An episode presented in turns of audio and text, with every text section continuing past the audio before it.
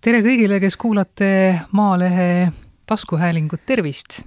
täna on meil teemaks koroona, õigemini haiguse põdemise järgne elu ja missuguseid tüsistusi see kaasa tuua võib. sellest räägib Tartu Ülikooli Kliinikumi sisekliiniku nakkusosakonna juhataja doktor Anne Kallaste, tere päevast! Tere päevast! minu nimi on Liis Seljamaa. no need koroona järelmõjud on üks niisugune teema, mida on ka arutatud nii arstkonna seas ilmselt tehtud teadustööd, inimesed omavahel räägivad ja ka Covid-19 viirus kui selline on vist äh, nii tugeva uurimise alla võetud, et mis viirustesse puutub, et siis see on küll vähemalt väga hästi jooksvalt ära uuritud kogu aeg või nii-öelda nagu uurijate pilgu all jah, tõepoolest, et aga see on ka täiesti mõistetav, sellepärast et äh, sellist viirust, mis mõjutaks nii palju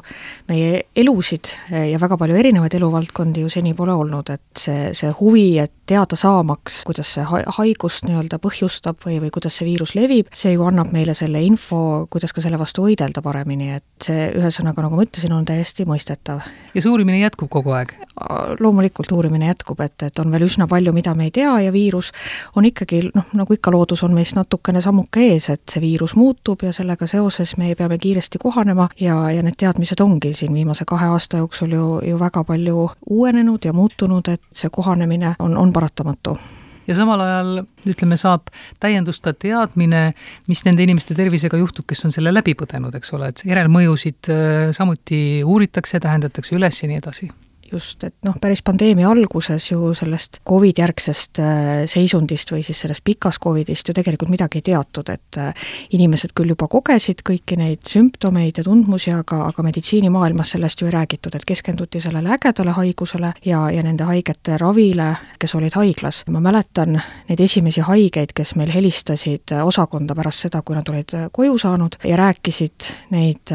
oma kaebusi, oma sümptomeid ja ega me siis tegelikult ei teadnud sellest seisundist veel midagi, aga noh, selliseid soovitusi me juba andsime, eh, ma arvan, et see oli kusagil eel-, kaks aastat tagasi, kuskil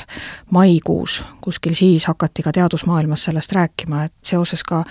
selle uuringuga, immuunsüsteemi selle pikaajaliste mõjude uuringuga, ka siis ju tegelikult me, kui seda uuringut planeerisime, ega me ju ei teadnud neid, nendes pikaajalistes kaebustes midagi, küll kui need haiged hakkasid käima vastuvõttudel ja hakkasid kaebama erinevaid eh, tervisemuresid, siis selgus, et need kaebused on üsna sarnased. Ja, ja nii-öelda nii-öelda siis ka see info ka nii-öelda teadusmaailmast hakkas järjest rohkem äh, nii-öelda juurde tulema, et noh, tõepoolest selgus, et, et on ikkagi päris tõsine probleem tervishoius, et tegemist ei ole ainult ägeda haigusega, vaid, vaid ka need hiljem need, need mõjud on üsna olulised ja need mõjud on selles mõttes sarnased igal pool, et ei ole nii, et Euroopas on ühtemoodi ja Ameerikas näiteks teistmoodi? Äh, ei ole, noh neid kaebusi on küll väga palju erinevaid, et kirjeldatakse üle kahesaja erineva kaebuse, mida inimesed siis võivad tunda pärast seda,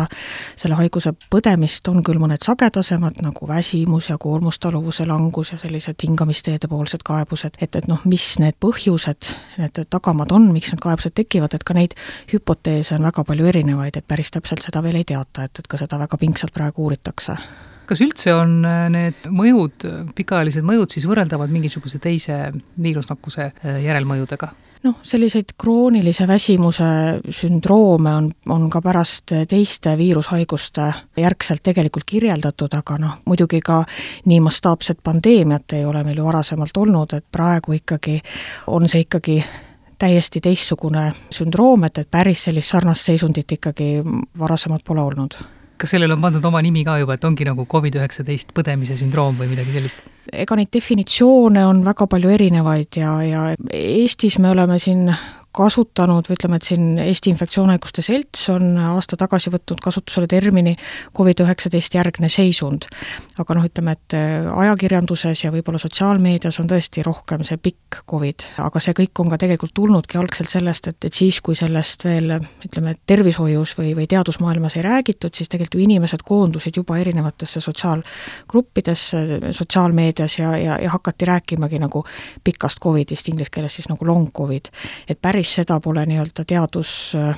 nagu maailma sellist terminit üle võetud, küll aga tõesti kirjanduses nagu leiab neid definitsioone ja neid termineid erinevaid, et, et siin selles kõiges orienteeruda võib olla üsna, üsna keeruline.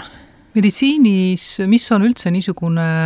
noh, ütleme keskmine aeg, millal saab üldse hakata rääkima teatud järelmõjudest või ütleme, et pikaajaliste mõjude puhul on ikkagi mingisugune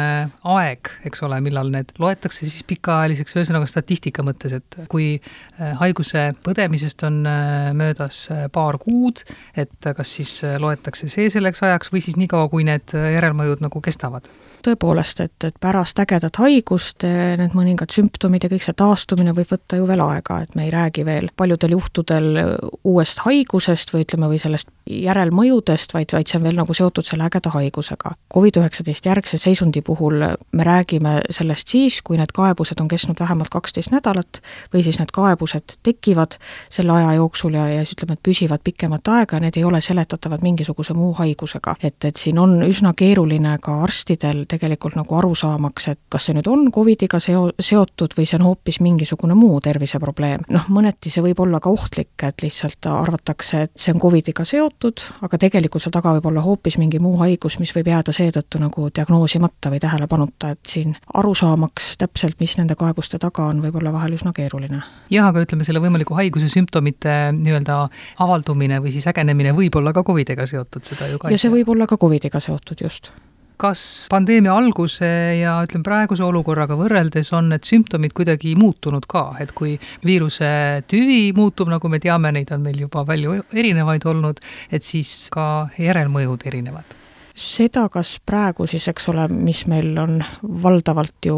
kogu maailmas levib ju praegu omikron või selle erinevad alavariandid, seda, kas see põhjustab teistsugust äh, pikka Covidit, ega seda tegelikult veel ei teata, sellepärast et ega see omikron ju detsembris alles nii-öelda maailmas levima hakkas, et me tegelikult ei tea seda veel. küll tundub noh, et ei ole siin väga suurt vahet nende teiste tüvedega, et kui me mõtleme, mis olid enne omikroni, et, et selles osas tegelikult ka selline nagu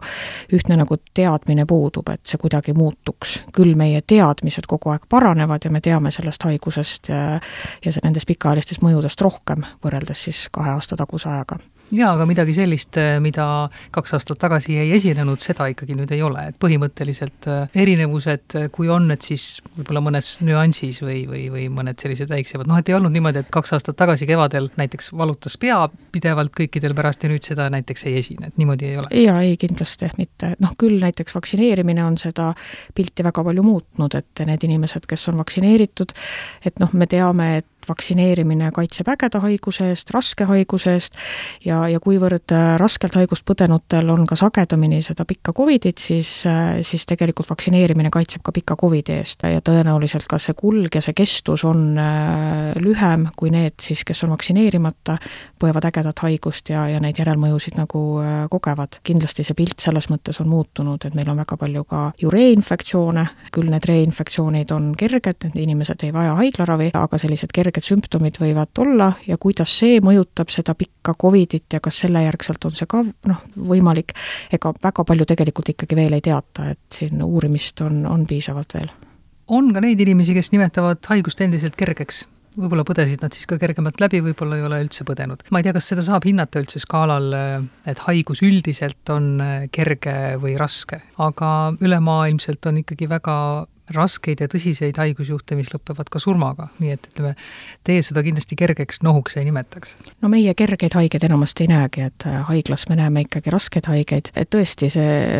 noh, see haigus on väga eriilmeline, ta põhjustab suure osa inimestel väga kerget haigust ja seetõttu tundubki, et noh, et, et kus see mure siin tervishoius ju on, aga noh, tegelikult kuskil kakskümmend protsenti nendest nakatunutest, nendel võib see haigus kulgeda ikkagi raskelt ja, ja osa nendel ka väga raskel, kes siis nii-öelda võivad intensiivravi ravi vajada, et noh, meil ikkagi on, haiglas on ikkagi need, kellel on kopsupõletik, kellel on hingamispuudulikkus ja, ja, ja mõneti tõesti kõiki haigeid me aidata kahjuks ei saa. et nakkusosakonnas on nüüd selle pandeemia jooksul olnud kuskil poolteist tuhat Covid haiget. see nakkusosakonnas, meil on olnud neid osakondi teisi ka, eks ole, kui on need lained olnud sellised suuremad, siis on neid osakondi juurde loodud, kokku kliinikumis on kuskil kaks pool tuhat haiget praeguseks ravitud. nakkushaiguste osakond on pandeemiaga väga palju muutunud, et enne pandeemiat oli osakonnas üksteist voodikohta, praegu hetkel on meil kakskümmend üks voodikohta, aga meil on olnud ka nelikümmend voodikohta avatud, et, et me oleme vastavalt siis äh, olukorrale väga kiiresti kohanenud, äh, rohkem haigeid ravinud, et varasemaga praegust olukorda väga võrrelda ei saagi mina põdesin ise veebruari lõpust umbes kahe nädala jooksul selle haiguse läbi, aga nii põdemise ajal kui ka juba, kui muud sümptomid olid kadunud, et siis jäi selline emotsionaalne jõuetus ka füüsilise jõuetusega koos. ja see oli väga imelik, et ma ei olnud kunagi ühegi haigusega päris niisugust asja tundnud, küsisin teistelt inimestelt, täitsa paljudel esines täpselt sama asja, et kas ka teie võite kinnitada, et jah, ütleme niisugune vaimne selline mõju oli sellel haigusel ka hilisemalt siis avaldus?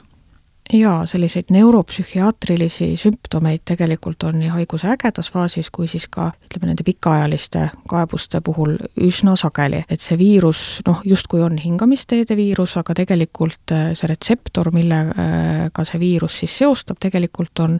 organismis väga palju erinevates organites, kudedes ja selle tõttu ka see, see haiguse kulg võib olla nagu väga eriilmeline selles mõttes, et ei ole ainult hingamisteede sümptomeid, vaid on ka tõesti niisuguseid niisuguseid neuroloogilisi sümptomeid, on äh, seedetrakti poolseid kaebusi, et need haiguste sümptomite ampluaa tegelikult on väga erinev ja seetõttu siis ka need pikaajalised mõjud võivad olla erinevad. et neid selliseid neuroloogilisi sümptomeid tegelikult on, on, on väga palju, et seda ka väga põhjalikult praegu uuritakse. mis need tagamaad täpselt on, ka väga eh, ei teata, neid hüpoteese on erinevaid, et kui algselt arvati, et see viirus võibki tungida kesknärvisüsteemi, siis noh, jah, teatud juhtudel on leitud seda kesknärvisüsteemist, kuid arvatakse, et see ei ole see peamine põhjus. et tõenäoliselt ikkagi see immuunvastus, mis selle haiguse ägedas faasis tekib, on selline väga tormiline, ülepiiriline ja, ja need sellised äh, immuunmarkerid või ütleme, et niisugused tsütokiinid, need võivad tungida siis ka erinevatesse kudedesse, sealhulgas ka kesknärvisüsteemi ja, ja, ja mõjutada mõjutada ja põhjustadagi neid selliseid neuroloogilisi sümptomeid. kui pandeemia alguses kindlasti oli väga palju sellist haiguse põdemisega seotud ärevust seda hirmu oli kindlasti päris palju, et siis ka, ka sellised pikaajalised mõjud olid kindlasti seotud sellise noh, ütleme niisugune posttraumaatiline stress ja, ja seda kindlasti oli, oli kindlasti rohkem, siis, siis praegu tõenäoliselt seda hirmu on inimestel vähemaks jää, jäänud, et noh, nähakse seda, et tegelikult meditsiin suudab väga hästi neid inimesi aidata ja, ja tõesti need, kes on ka vaktsineeritud, ju tunnevad ennast kindlamini, sellepärast et nad teavad, et kui nad seda haigust põevad, siis see tõenäoliselt haiguse äge faas ei ole raske raske. küll aga selliseid pikaajalisi noh, mõjusid äh, võib olla, et, et sellist äh, stressi selle haiguse põdemisega tõenäoliselt on praegu kordades vähem, kui oli alguses. no märtsi algul avaldati üks uuring ka, äh, rasket Covidit põdenutel oli suurem tõenäosus ka hilisemaks siis depressiooniks või siis ärevushäireteks, aga ilmselt ei ole ka seda veel kaugeltki lõpuni uuritud või kas on leitud üldse seoseid näiteks sellega, et seostub see ka võib-olla inimese üldise sellise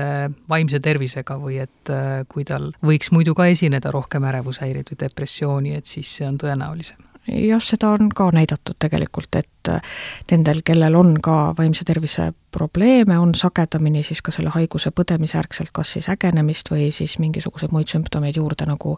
tekkimas, et sellised riskifaktoreid on tuvastatud ja üks, üks kindlasti on nagu nendest aga mul on hea meel, et te ütlesite, et inimeste enda suhtumine sellesse haigusesse on muutunud, et ütleme, see stigmatiseeritus on nagu ära kadunud, et ma mäletan küll kaks aastat tagasi inimesed noh, tihtipeale ka varjasid, et keegi ei teadnud, hirm oli hästi suur, aga praegu ei ole koroonapõdemise käigu arutamine ka sellises seltskonnas üldsegi mitte halb tava, et päris paljud on põdenud, räägitakse, vahetatakse ka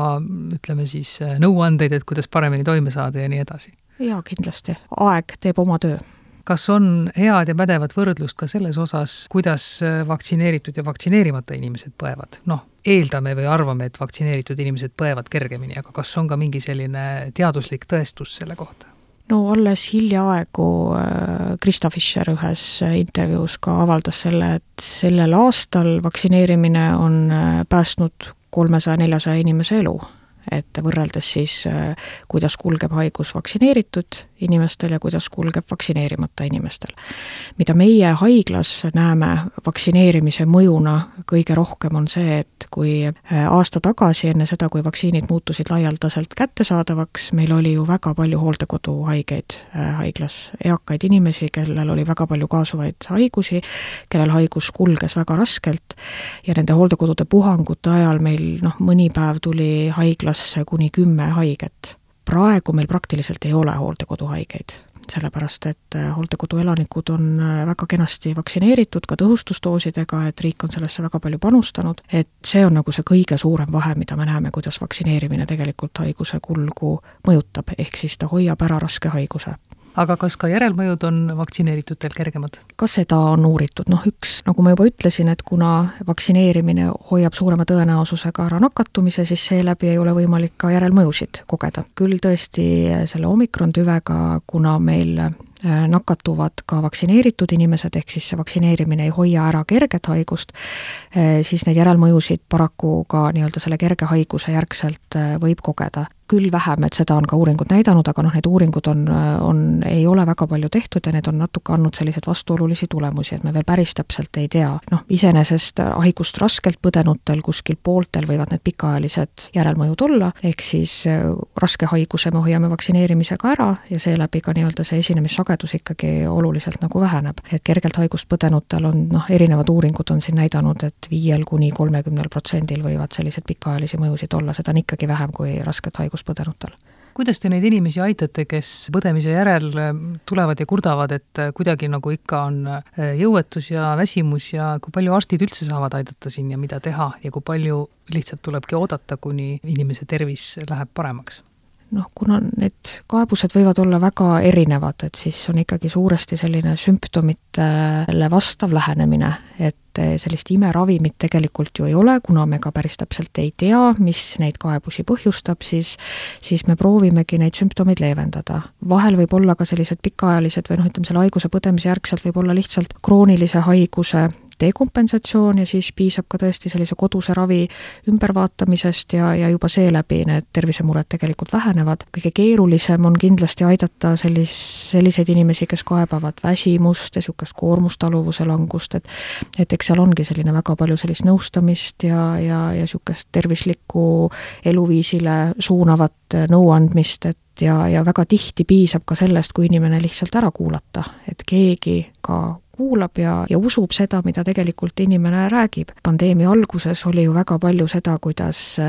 ei usutud neid kaebusi, et nüüd kindlasti see selline teadlikkus on nii tervishoius kui siis ka laialdasemalt ju muutunud, et et sellest juba on ilmselt inimestele väga palju abi, et ka päriselt usutakse seda, mida nad räägivad. ja maksab ka rääkida, et selles mõttes ei pea vaikides kannatama jaa, kindlasti, et eh, noh, need kaebused võivad ju olla väga erinevad, et, et on ju neid, kes tõesti võib-olla igapäevaelu on nii, sedavõrd häiritud, et nad ei saa pikalt eh, tööellu naasta,